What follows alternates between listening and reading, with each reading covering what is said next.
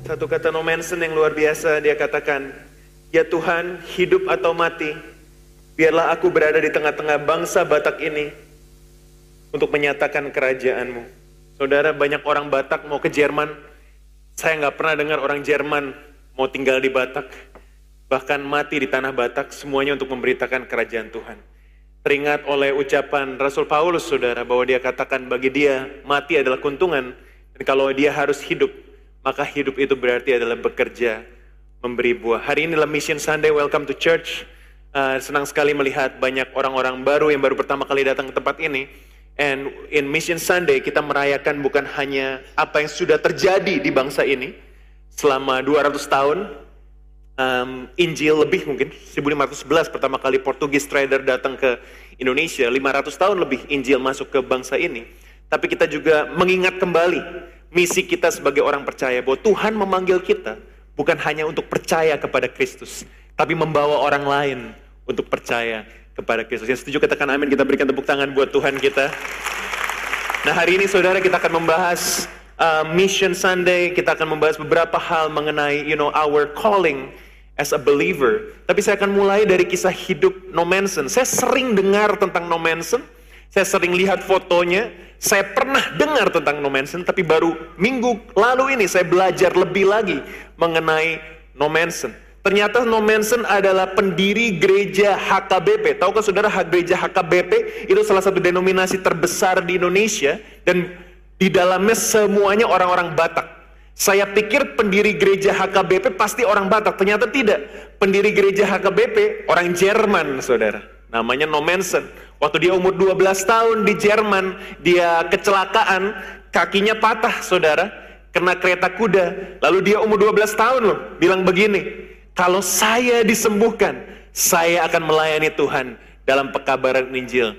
Tuhan sembuhkan dia, umur 20, dia masuk sekolah penginjilan, dikirim bukan ke Afrika, bukan ke Amerika, bukan ke di Eropa, saudara. Dikirim ke Indonesia. Dan Indonesia bukan Jakarta, dikirim ke Sumatera, di tanah Batak. Nah saudara bisa lihat kanan kiri depan belakang sudah lihat orang-orang di tengah-tengah kita yang mengenakan ulos, maupun juga topi adat. Ini adalah keturunan Batak yang kalau hari ini mereka Kristen dan percaya itu karena pengorbanan penginjilan No Manson saudara 200 tahun yang lalu ya. Kecuali Pastor Billy pakai ulos dia bukan orang Batak saudara Nah saudara, No Manson memang hidupnya sangat inspirasi, tapi waktu saya lihat tentang No Manson, saya diingatkan satu hal oleh Tuhan, bahwa misi atau penjangkauan jiwa itu bukan tugas misionaris. Tapi tugas setiap orang percaya. Menjangkau jiwa adalah tanggung jawab setiap orang percaya. Bedanya apa? Kalau misionaris dia setiap hari dia menjangkau jiwa, setiap hari dia mengabarkan Injil. Tapi kita yang bukan full time misionaris, kita juga masih harus memberitakan Injil, masih harus menjangkau jiwa, tapi tidak setiap hari kita bekerja menjangkau jiwa. Kita bekerja memberi buah setiap hari di kantor kita, di sekolah kita, tolong ditampilkan ayatnya ya di mana-mana. Tapi firman Tuhan berkata karena itu pergilah, jadikanlah semua bangsa muridku, baptislah mereka dalam nama Bapa, Anak, Roh Kudus, ajarlah mereka melakukan segala sesuatu yang telah kuperintahkan kepadamu. Ketahuilah, aku menyertai kamu senantiasa sampai kepada akhir zaman. Tugas kita sebagai orang percaya, saudara, the Great Commission adalah untuk pergi dan menjadikan semua bangsa muridku. Saya bersyukur, saudara, di gereja ini, gereja yang sangat multicultural. Ada ada orang Jawa, orang Sunda, orang Batak, orang Tionghoa dari berbagai-bagai suku berkumpul semua menyembah Tuhan. Jadikanlah semua bangsa muridku adalah tanggung jawab setiap orang percaya, bukan tanggung jawab misionaris. Karena sering kali kita bilang, wah kalau menginjil bukan bagian saya, bagian saya hanya menyanyi di gereja. Menginjil, menjangkau jiwa, bukan bagian saya. Bagian saya hanya datang beribadah. Saudara harus tahu, menjangkau jiwa adalah tanggung jawab saya. Tanggung jawab setiap orang percaya. Saya mau tanya saudara, saudara jawab. Karena iman timbul dari pendengaran, dan pendengaran akan firman Tuhan. Saya mau tanya saudara, menjangkau jiwa yang terhilang, tanggung jawab siapa? Saya. Lebih keras lagi tanggung jawab siapa? Saya. Nah kalau saudara sudah mengerti, it's your personal responsibility, maka saudara akan punya beban yang begitu berat untuk menjangkau jiwa-jiwa. Saya mau tanya saudara, kita punya pembantu di rumah. Ada yang namanya baby sitter, betul? Seorang ibu yang punya baby sitter, saya mau tanya saudara, yang bertugas atau yang punya tanggung jawab mendidik anak, itu siapa? Ibu atau babysitter? Ibu lah. Of course babysitter membantu ibu untuk mengasuh anak. Tapi jangan delegasikan pendidikan anak kepada baby sitter. Nah demikian juga dalam kekristenan saudara kita diberi tanggung jawab semua kita untuk menjangkau orang yang percaya. Saya bersyukur saudara sejak post covid kita pertama kali ibadah bulan Mei 2022 sampai hari ini belum genap setahun setengah baru setahun empat bulan. Saudara tahu di tempat ini sudah hampir sejak Mei 2022 sampai hari ini pertumbuhan jemaat terus menerus. Tapi saudara sudah lebih, sudah hampir seribu orang saudara dibaptis di tempat ini sejak COVID kemarin. Kita buka kembali. Karena memang panggilan Tuhan baptislah mereka. Tapi sayang sekali saudara, sayang sekali. Banyak kita sebagai orang percaya tidak lakukan bagian kita untuk menjangkau yang terhilang. Saudara saya mau share beberapa statistik. Ini statistik penting sekali. Tahukah saudara, 87% orang yang tidak ke gereja. Berapa saudara? Oh 82. 82% orang yang tidak ke gereja akan ke gereja kalau diajak oleh teman atau keluarga. Saudara harus harus ingat statistik ini. Ini penting sekali. Berapa saudara? 82%. Jadi kalau saudara ngajakin orang ke gereja, dan kita berharap waktu orang ke gereja, saya yakin saudara Tuhan akan menjamah hati mereka hampir setiap minggu, you know, every single Sunday, 30-40 orang lebih setiap ibadah menerima Yesus sebagai Tuhan dan Juru Selamat. 82% orang yang tidak ke gereja akan ke gereja kalau diajak oleh teman atau keluarga. Tapi 37% orang di dunia ini mengenal Yesus karena ada orang yang ngajak mereka ke gereja. Saudara tanya, loh Pak, yang 63% dari mana? Tahu nggak dari mana saudara? Dari internet, dari website, ya kan puji Tuhan gereja kita besar saudara ya. Jadi ada juga beberapa jemaat tuh sampai dibaptis di sini. Waktu ditanya kamu kok KCC? Iya, karena dari luar saya pikir mall. Dia masuk mau beli, eh, kok nggak ada supermarket, nggak ada roti, nggak ada apa-apa. Mau beli roti saudara, dapatnya malah roti kehidupan Yesus sendiri yang menjamah hati mereka sehingga mereka mengenal Tuhan. Alangkah luar biasanya cerita-cerita seperti ini. Tahu nggak saudara, saya baru ketemu worship leader kita kemarin. Dia cerita, sepupunya dari kepercayaan yang berbeda. Tapi dia tidak pernah memberitakan tentang Yesus. Nggak pernah sepupunya ini diajak ke gereja. Karena kepercayaannya berbeda. Alright? Lalu tahu nggak apa yang terjadi? Mereka baru ketemu kemarin. Sepupunya cerita, bro, you know what happened? Apa? Aku didatangin Yesus dalam mimpi. Hah? Yesus dalam mimpi datang ke dia terus bawa dia ke tempat yang seperti surga, Firdaus. Dikatakan di situ putih, terang, full of glory, amazing, it's nice, the people are happy. Lalu dia tanya, Lord, what is this place? Apa tempat ini? It's heaven. Oke. Okay. Lalu diajak ke tempat another place yang dirty, dark, gloomy, orang-orangnya stres, nangis-nangis. Saudara ya, pokoknya ngeri tempatnya. And then ditanya, Lord, what is this place? Hell. Jadi ada heaven, ada hell. Lalu Yesus tanya ke dia, kamu pilih yang mana? Aku mau surga Tuhan. Kalau kamu surga, ikut saya. Bangun dia, keringet dingin saudara. Dia bilang, ah ini cuma mimpi. Tapi dia teringat terus kata-kata Yesus, kalau kamu mau surga, ikut saya. Bukankah Tuhan berkata, Yohanes 14 ayat 6, Akulah jalan, kebenaran, dan hidup. Tidak ada seorang pun dapat datang kepada Bapa tanpa melalui apa yang percaya katakan amin, right? Tahu nggak saudara, dia nggak mau ke gereja dan tidak ada yang ngajakin dia ke gereja. You know what happened? Dia lagi nyetir hari Minggu saudara, mobilnya mogok. Tahu nggak mogok di mana? Mogok di depan gereja. Dalam kerajaan Tuhan tidak ada kebetulan, yang ada hanya kebenaran. Dan ini kebenaran, Tuhan mengasihi dia. Dia akhirnya, wah Tuhan jebak saya nih. Udah dapat mimpi tentang Yesus, mobil mogok di depan gereja. Lalu dia turun dari mobil, dia masuk ibadah. Di situ Apakah saudara mau terima Yesus? Yang mau terima Yesus angkat tangan di tempat satu, dua, tiga dia angkat tangan saudara. Dia terima Yesus hari itu. Dua minggu kemudian dia dibaptis. Saat ini dia mengenal Tuhan saudara. Keselamatan terjadi buat hidupnya. Saudara dengar cerita ini sudah bilang, wow puji Tuhan pastor. Saya juga bilang ke WL ini, wow mantep bro. Dia bilang, pastor bilang puji Tuhan. Teman-teman setiap dengar ini puji Tuhan. Kalau saya sedih, kenapa?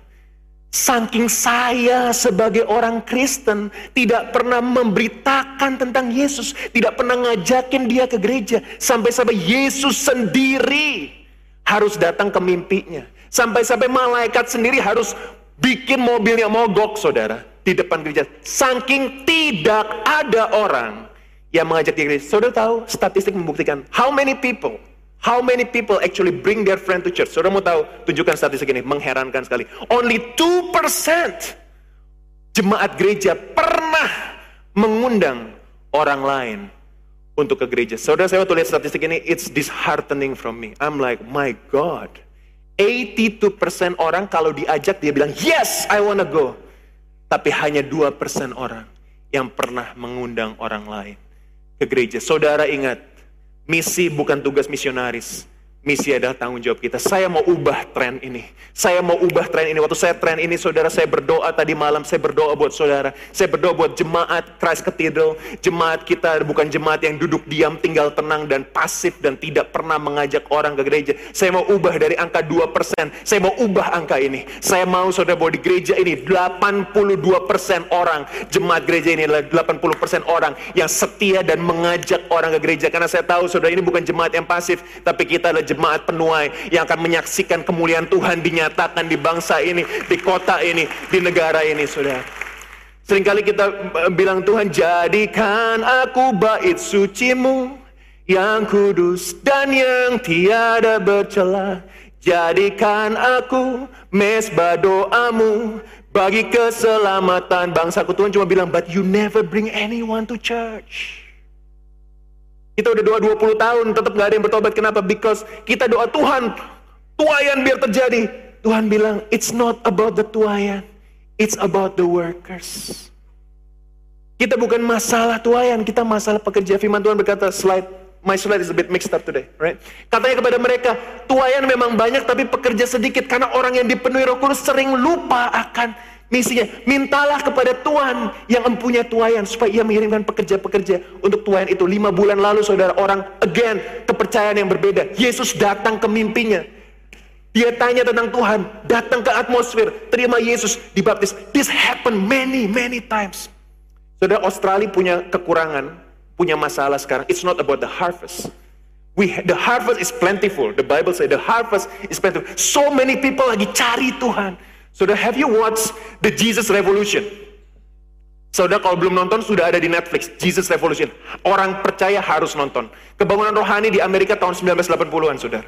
Amazing. You know, ada hippies kan. Kalau saudara tahu hippies, mereka cari drugs, they're just, you know, heroin, addict and everything. When I went to New York, saudara, di kota New York, satu kota New York, saudara, itu bau weed di mana-mana. Just weed everywhere. Drugs are crazy. Amerika yang katanya negara bebas, bukan lagi bebas, dijajah oleh drugs. Tahu nggak mereka cari apa? Mereka cari Tuhan. Tapi mereka nggak bisa nemu Tuhan. Karena mereka bertemu Tuhan di drugs. Nggak bisa, nggak dapet Tuhan. Tuhan bilang pekerja sedikit. Australia ada problem. Sekarang banyak orang Jepang, orang Korea come to Australia untuk jadi fruit picker jadi petik-petik buah. Petik-petik buah. And then kerja di farm. Perah-perah sapi, saudara. Ya. Gaji memerah sapi di Australia lebih tinggi daripada mengembangkan sapi di Indonesia. Saudara. Jadi orang memerah sapi, memetik buah. Kenapa? Karena banyak banget sapinya, tapi nggak ada yang mau merah. Anak-anak mudanya kerja di city, di Sydney, in Melbourne, they just went and work in the buildings, nggak ada yang mau memerah sapi. Gak ada yang mau metik-metik buah. Akhirnya metik-metik buah orang-orang Korea, Jepang, dan dua tahun terakhir orang Indonesia. Itu ke Australia untuk apa? Memetik buah. Kenapa? Buah banyak sampai busuk. Karena gak ada yang metik. Tahu gak saudara? Jiwa-jiwa di luar gereja ini. So ripe saudara. Saya jamin kalau saudara ajak orang ke gereja. Saudara bawa undangan. Eh datang ya ke Beautiful Indonesia minggu depan. I believe 80% kemungkinan mereka akan datang dan saudara tahu, Kalau mereka datang waktu kita doa terima Yesus, kemungkinan besar orang di jamaah Tuhan di gereja ini sangat tinggi sekali. Gak ada yang tepuk tangan. I'm so excited, saudara. Sampai saya siapin khotbah ini, this is my favorite topic. Karena saya tahu khotbah-khotbah yang favorit adalah khotbah mengenai kesembuhan, pemulihan, berkat. But let me tell you one thing. The biggest blessing in our life is when we become a blessing for others. Berkat terbesar dalam hidup kita adalah waktu kita menjadi berkat buat orang lain. Percaya katakan amin. Saya kasih saudara bukti. Nanti tepuk tangannya nanti belakangan, tapi harus kenceng sekalian ya saudara ya. Saya kasih ke saudara bukti. Ada dua bukti. Bukti yang pertama saudara terambil dari Yohanes pasal 4 mengenai air hidup. Nah saudara harus mengerti hal ini karena sering kali pengkhotbah stop di ayat ini. Alright, jadi begini, ada satu ibu dia punya empat suami, dan yang tinggal sama dia bukan suaminya. Four husbands, and the one with him is not her husband. It's a boyfriend. Jadi poliandri. Ya, jadi empat suami yang tinggal sama dia bukan suaminya. Nah, ibu-ibu di sini pasti bingung. Gile ya empat suami. Gue satu suami jadi pusing. Ini empat saudara. Dan dia sengaja datang jam 12 siang karena waktu dia jam 12 siang dia lihat kanan kiri nggak ada orang, sepi. Kalau dia datang pagi malu digosipin, ih empat suami wanita Samaria. Dia mencari kepuasan hidup dari laki-laki nggak dapat. Lalu Yesus bilang begini, barang siapa minum air ini, ia akan haus lagi. Tetapi barang siapa minum air yang aku berikan kepadanya, ia tidak akan haus untuk selama-lamanya. Kita percaya Yesus menjawab kebutuhan kita, amin. Tapi sering kali pengkhotbah stop di titik. Lalu saudara bilang, ya aku datang pada Yesus. Saudara dipuaskan di gereja, saudara sembah Tuhan, saudara altar kalau di jamaah Tuhan. That's it selesai. No, no, no, no. Lanjut ayatnya. Sebaliknya koma, air yang kuberikan kepadanya akan menjadi apa saudara? Semua katakan mata. Semua katakan mata. Air. Yang terus menerus memancar sampai kepada hidup yang kekal. Saudara, kita dipanggil bukan hanya untuk minum air dari Yesus tapi menjadi mata air supaya dunia yang kering ini disegarkan, dipulihkan oleh kehadiran kita di tengah-tengah mereka yang percaya katakan amin. Come on. Amen. Amin jemaat Tuhan. Saudara saya tiap hari pesan aqua galon. Merek apa pun itu. Oke? Okay? Karena saya nggak tahu ngomong aqua kalau bukan aqua apa karena aqua adalah aqua. Sudah nyaru. Dua hari Mas habis 27 ribu, oke. Okay. Mas habis, habis, habis, terus habis, terus. Seperti saudara mencari Tuhan kok kering lagi. Datang gereja kering lagi. Datang gereja kering lagi. Baca firman kering lagi. Dengar, dengerin uh, khotbah YouTube. Uh, tapi nggak pernah puas saudara. Kenapa? Karena solusinya Pak Bu semua di Indonesia memang orang pintar paling pintar di Indonesia. Gak mau beli air dari luar. Maka bikin sumur betul Ditembak sampai kedalaman dunia, sampai ke perut bumi loh saudara. Yang keluar volcano. Semakin dalam semakin bersih, betul? Sehingga saudara kita punya di rumah dua. Satunya aqua beli, tiap minggu ganti, tiap hari harus ada aqua baru. Be mahal, beli terus, gak pernah selesai. Tapi yang sumur saudara, ada filternya. Mengalir kuasa dari tempat maha tinggi. Bapa kekal mulia, kau hadir di sini memulihkan hati, menyembuhkan yang terluka. Ku kan tenang bersamamu, Bapa. Akhirnya nggak pernah berhenti. Apa ini saudara? Tuhan gak mau saudara kering datang gereja puas, kering datang gereja puas. Saudara Tuhan mau Waktu saudara dipenuhi di hadirat Tuhan, oleh hadirat Tuhan di gereja ini, saudara pulang Senin sampai Sabtu, saudara tidak akan kering lagi. Kenapa? Karena saudara menjadi mata air buat Tangerang, Banten, Indonesia dipulihkan untuk kemuliaan Tuhan. Bukti kedua ada di kisah Rasul 1 ayat ke-8 saudara. Kamu akan menerima kuasa jika roh kudus turun ke atas kamu. Dan kamu akan menjadi saksiku di Yerusalem, Yudea, Samaria sampai ke ujung bumi. Tahukah saudara bahwa roh kudus itu diberikan kepada kita bukan for fun, but for function. The Holy Spirit is given to us as believers not for fun, but for apa saudara? Function. Bilang kanan kiri bukan fun, function. Saudara waktu tahun 90-an saya baru kenal Tuhan tahun 99 saudara. Lalu waktu itu saya belum dipenuhi roh kudus. Lalu saya memang diajarkan salah sih. Teman saya bilang, bro cari roh kudus yuk bro. Oh roh kudus bisa dicari? Bisa. Ke mana? Ke gereja A, B, C. Kita datengin gereja-gereja naik taksi. Cari roh kudus. Terus saya lihat orang di depan didoain. Geblak-geblak, saudara. Geblak adalah bahasa Ibrani, artinya jatuh. Dia benar-benar rebah, rebah, rebah. Saya tanya ke teman, itu roh kudus? Itu roh kudus. Saya didoain kok gak rebah-rebah. Tante di sebelah udah rebah-rebah, nangis-nangis sampai make upnya luntur semua. Saya didoain gak rebah-rebah. Teman saya didoain rebah, tapi aneh rebahnya saudara. Karena yang lain rebah langsung saudara. Dia didoain rebah seperti ini. Terima kasih Tuhan. Haleluya. Lalu yang lain berbahasa roh, dia nggak bisa. Dia mulai coba tiru apa? Raba-raba, oke. Okay. Meraba-raba, bukan itu. Dia meniru yang lain. Karena dia pikir roh kudus adalah fun. Lalu dia deket sini saudara. Dia bilang, wah aku kayaknya lagi di jamaah roh kudus. Aku merasakan getaran yang luar biasa. Saya bilang, bro, lu duduk di subwoofer. Of getarannya kencang. Ada lagi satu orang, ini benar-benar roh kudus. Saya rasa panas sekali sampai keringetan. Iya jelas panas, AC-nya mati. Roh Kudus bukan fun saudara, function. Apa fungsinya? Menjadi saksi, marturos. Artinya apa? Menjangkau jiwa bagi Tuhan. Saudara saya mau tanya di tempat ini, pernah dengar namanya Eptanas? Yang ngangguk-ngangguk ini orang-orang hebat. Saya mau tanya, jujur aja, jangan lihat kanan kiri ya, jujur. Siapa di sini yang pernah mengalami namanya Eptanas, tolong angkat tangan. Saudara inilah generasi yang dipilih Tuhan, yang diurapi Tuhan. Saudara. Generasi ini lahir dari tahun 1975 sampai 1989. Eptanas bahasa Inggris, Eptanas IPA dan lain sebagainya. Tapi ada satu namanya Epta Praktek. Bedanya Eptanas dan Epta Praktek adalah Epta Praktek adalah mempraktekkan teori.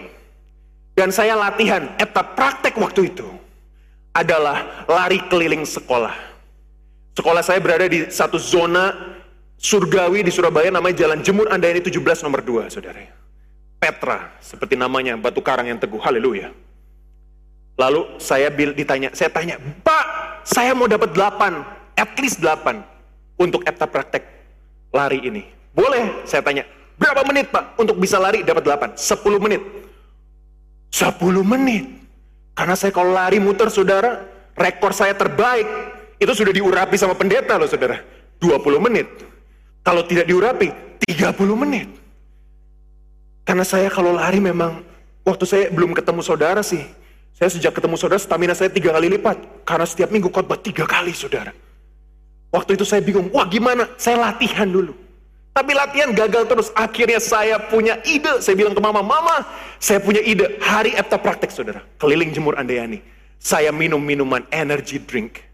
Saya nggak bisa sebut mereknya saudara, tapi yang ada banteng dua begini.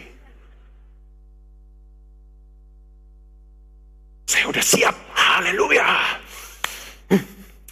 Lalu saudara duduk kan, wah setengah jam lagi, mari minum sekarang. Saya nggak minum satu saudara, saya minum dua minuman energy drink yang saya nggak sebut merek yang ada bantengnya ini saudara. Saya minum dua saudara, kerating deng. Lalu, setelah saya minum itu, Ya udah siapkan. Ding dong. Pengumuman, pengumuman. Karena cuaca hari ini kurang baik.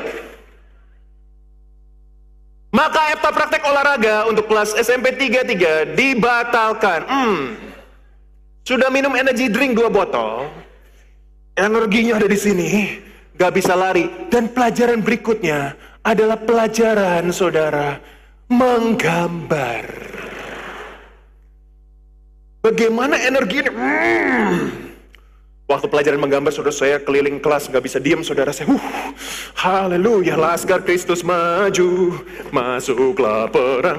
Gurunya bilang, kamu ngapain Riza? Saya penuh energi bu, udah mau eta praktek, malah menggambar. Ini bukan eta praktek bu. Saya begitu, disetrap saudara.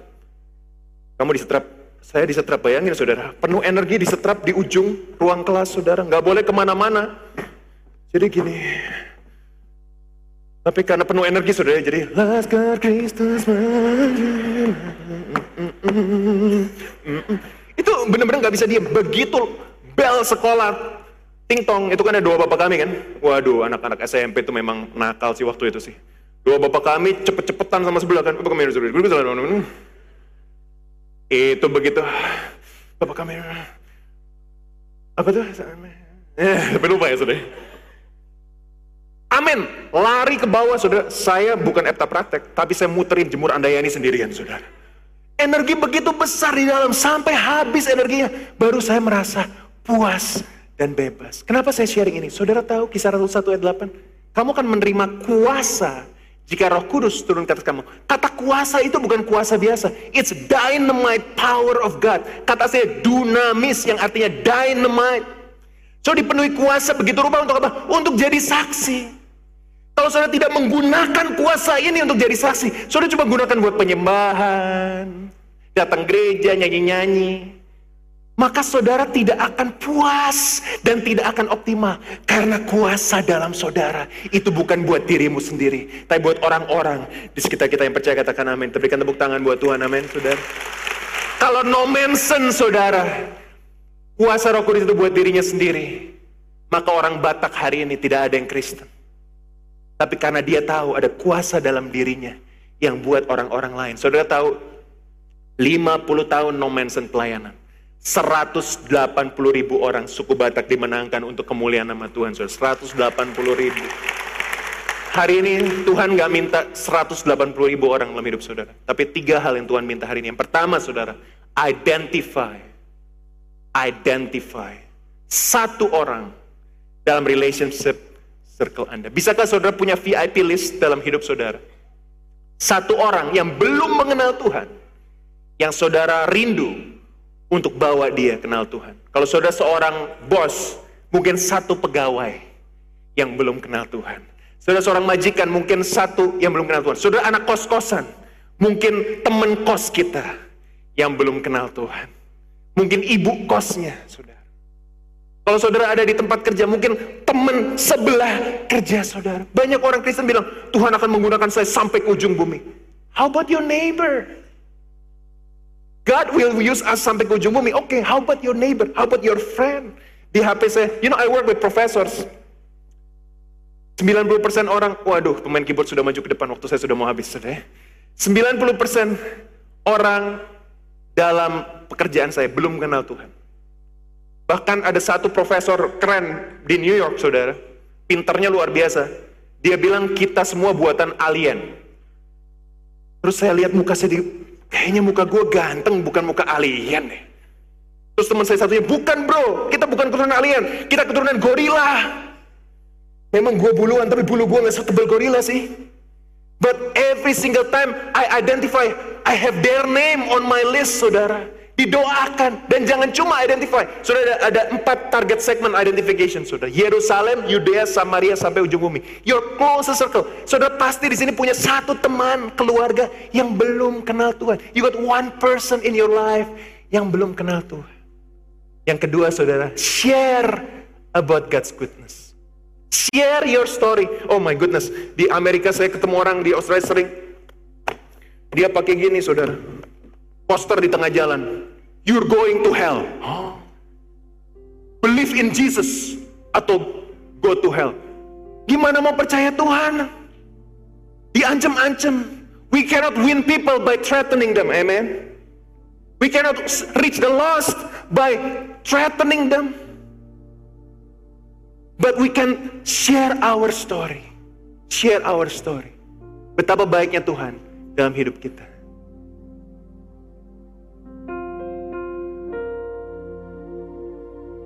All my life.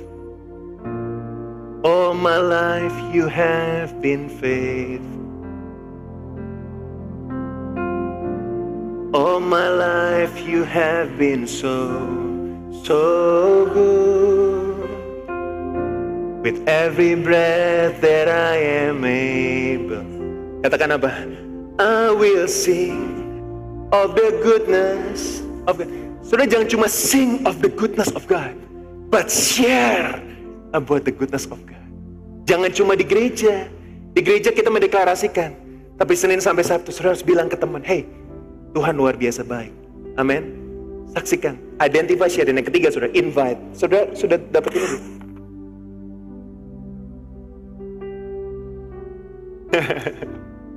saudara tadi masuk dapat ini. Apa ini, saudara? Ini bukan buat saudara. Ini buat orang-orang di sekitar saudara. Pertanyaannya, apakah kamu sudah betul-betul merdeka? Tanda tanya. Yuk, cari tahu. Tadinya rohani banget, tadinya saya begini. Ke marketing bilang, alami kemerdekaan dalam Kristus Yesus. Marketing bilang, terlalu rohani, nanti orang takut. Jadi simple aja, apakah kamu sudah betul-betul merdeka? Saudara, saya, kita sudah doakan semua kartu ini. Di setiap kartu ini ada nama-nama orang yang ada di otak saudara, di hati saudara yang Tuhan sudah tempatkan. If you give this to a person, 82% kemungkinan orang itu akan ke gereja, saudara, minggu depan. Saya udah minta CMO minggu depan, saudara. Saudara tahu, tadi keren nggak yang tarian Batak keren nggak, saudara? Bagus ya? Belum ada apa-apanya. Minggu depan, Beautiful Indonesia, saudara. Kita akan ada roket di tempat ini. Lalu kita terbang ke bulan bersama-sama. No, no, no, no, no. Kita akan buat lebih meriah lagi. Ada tarian dari berbagai suku saudara. Dan luar biasa, amazing. Saudara, saya tahu parkiran semakin sulit. Saudara, minggu lalu adalah record breaking attendance post-covid. Saudara, di mana di jam 11 pagi di tempat ini, saudara, dari kids, teens, maupun ibadah umum minggu lalu itu adalah record breaking attendance sekitar 3.400 orang ada di tempat ini di jam yang sama di jam 11 kemudian hanya bagi nama Tuhan right now um, ini juga hari ini hari ini saudara wow it's it's it's almost the same. Oke okay, tapi minggu depan kita ekspektasi lebih dari 4.000 so we will have more buggies. Jadi kita akan double kita punya bagi capacity. Di mana pun saudara parkir kalau saudara ajak teman baru di mana pun mereka parkir kita akan jemput mereka. Kecuali mereka parkir di Pondok Indah Mall kita nggak akan jemput saudara. Tapi selama di daerah sini kita akan jemput mereka. Bagi kita akan beroperasi dua kali lipat we will do everything next week but I need you to do one thing saudara identify share invite tolong identify share invite Jangan jadi dua persen orang yang tidak pernah mengajak temannya ke gereja. Be the person yang dipenuhi dengan kuasa roh kudus. Identify, share, invite. Saya yakin saudara, minggu depan. Waktu kita ibadah saudara, ada momen paling penting di ibadah. Adakah saudara mau menerima Yesus sebagai Tuhan dan Juru Selamat? One, two, three. Saya doakan saudara. Ratusan orang akan menerima Tuhan minggu depan. Saya doakan saudara, dua minggu lagi waktu baptisan, ratusan orang akan dibaptis. Kenapa penting? Karena saya yakin pemulihan bangsa kita dimulai dari gerejanya. Kalau gerejanya dipulihkan, maka kota dipulihkan. Kalau kota dipulihkan, provinsi dipulihkan. Provinsi dipulihkan, negara dipulihkan. Negara dipulihkan, Indonesia dipulihkan. Dimulai dari gerejanya. Mari bangkit bersama-sama. Dari awal bro, bro, dari awal. Thank you Jesus. Kau telah memilihku sebelum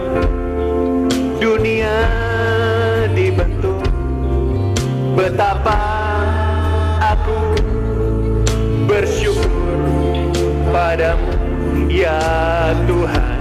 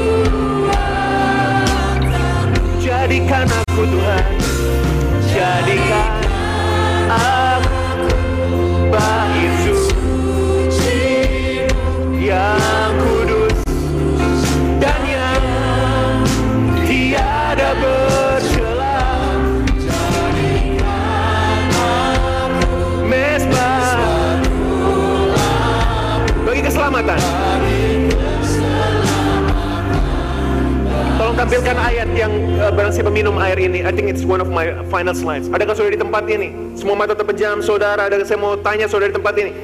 Adakah saudara di tempat ini yang belum pernah menerima Yesus sebagai Tuhan dan Juru Selamat? Firman Tuhan berkata, tolong tampilkan slide Firman Tuhan berkata bahwa barang minum dari air ini, dia akan haus lagi.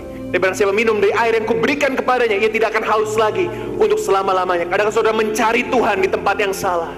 Saudara mencari kepuasan di tempat yang salah. Hari ini di tempat ini ada Yesus yang berdiri di tengah-tengah kita. Dan dia berkata, marilah kepadaku. I will satisfy all your needs. Kalau saudara di tempat ini yang belum pernah menerima Yesus sebagai Tuhan dan Juru Selamat, atau saudara tidak yakin apa Yesus ada di hatimu sebelum kau pulang hari ini, pastikan, yakinkan Yesus ada di hatimu. Yesus Raja di hidupmu. Kalau saudara mau menerima Yesus, tidak perlu maju ke depan. Semua mata terpejam di tempat ini. Saya akan hitung sampai tiga. Di hitungan ketiga, tolong angkat tangan di tempat. Dan saya akan berdoa buat saudara yang mau menerima Yesus sebagai Tuhan dan Juru Selamat. Angkat tangan di tempat. Hitungan ketiga dan saya akan berdoa buat saudara. Saudara siap satu. Tuhan Yesus mengasihimu. Dua dia mati bagimu. Supaya engkau tidak binasa. Melainkan beroleh hidup yang kekal. Maukah engkau pada hari ini menerima Yesus sebagai Tuhan dan Juru Selamat dalam hidupmu?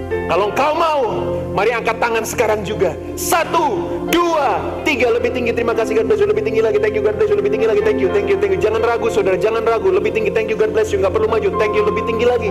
Jangan turunkan, jangan turunkan, jangan turunkan. Thank you Jesus. Thank you Jesus. Ada lagi, ada lagi. Thank you Lord. Thank you Jesus. Thank you Lord. Lebih terus beberapa detik saya hitung saudara lebih angkat tangan saudara. Saudara tidak perlu maju ke depan, tidak perlu maju. Just di tempat di mana saudara berada, angkat tangan saudara. Terima kasih Tuhan. Saya tunggu beberapa detik lagi. Thank you Jesus. Thank you Lord buat jiwa-jiwa yang memberikan hidupnya bagi Kristus hari ini. Saya lihat beberapa di atas. Saya lihat wow, wow, wow, wow, so good. Thank you Jesus. Thank you Jesus. Lima detik lagi. Ada lagi saudara. Jangan turunkan tangan saudara dulu. Tetap angkat tangan. Thank you Lord. In the name of Jesus. Kira Rama. Thank you Lord. Thank you Jesus. Ada lagi, Lord. Tiga detik. Thank you Lord. Dua.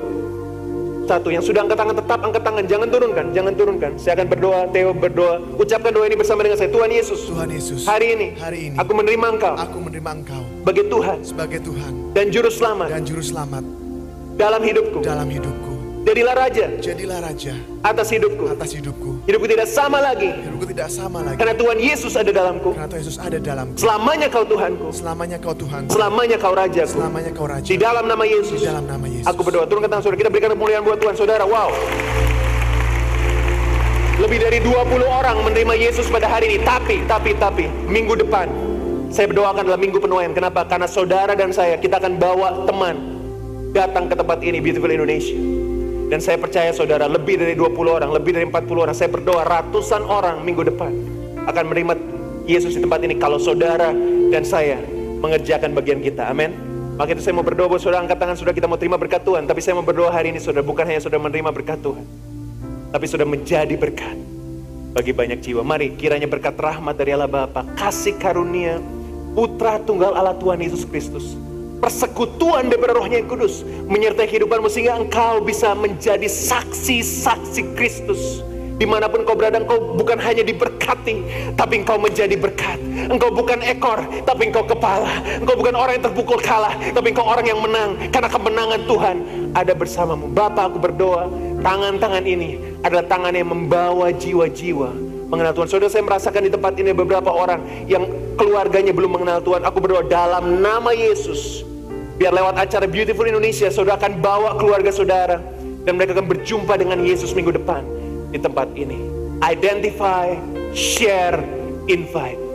Karena menjangkau jiwa adalah tanggung jawab kita.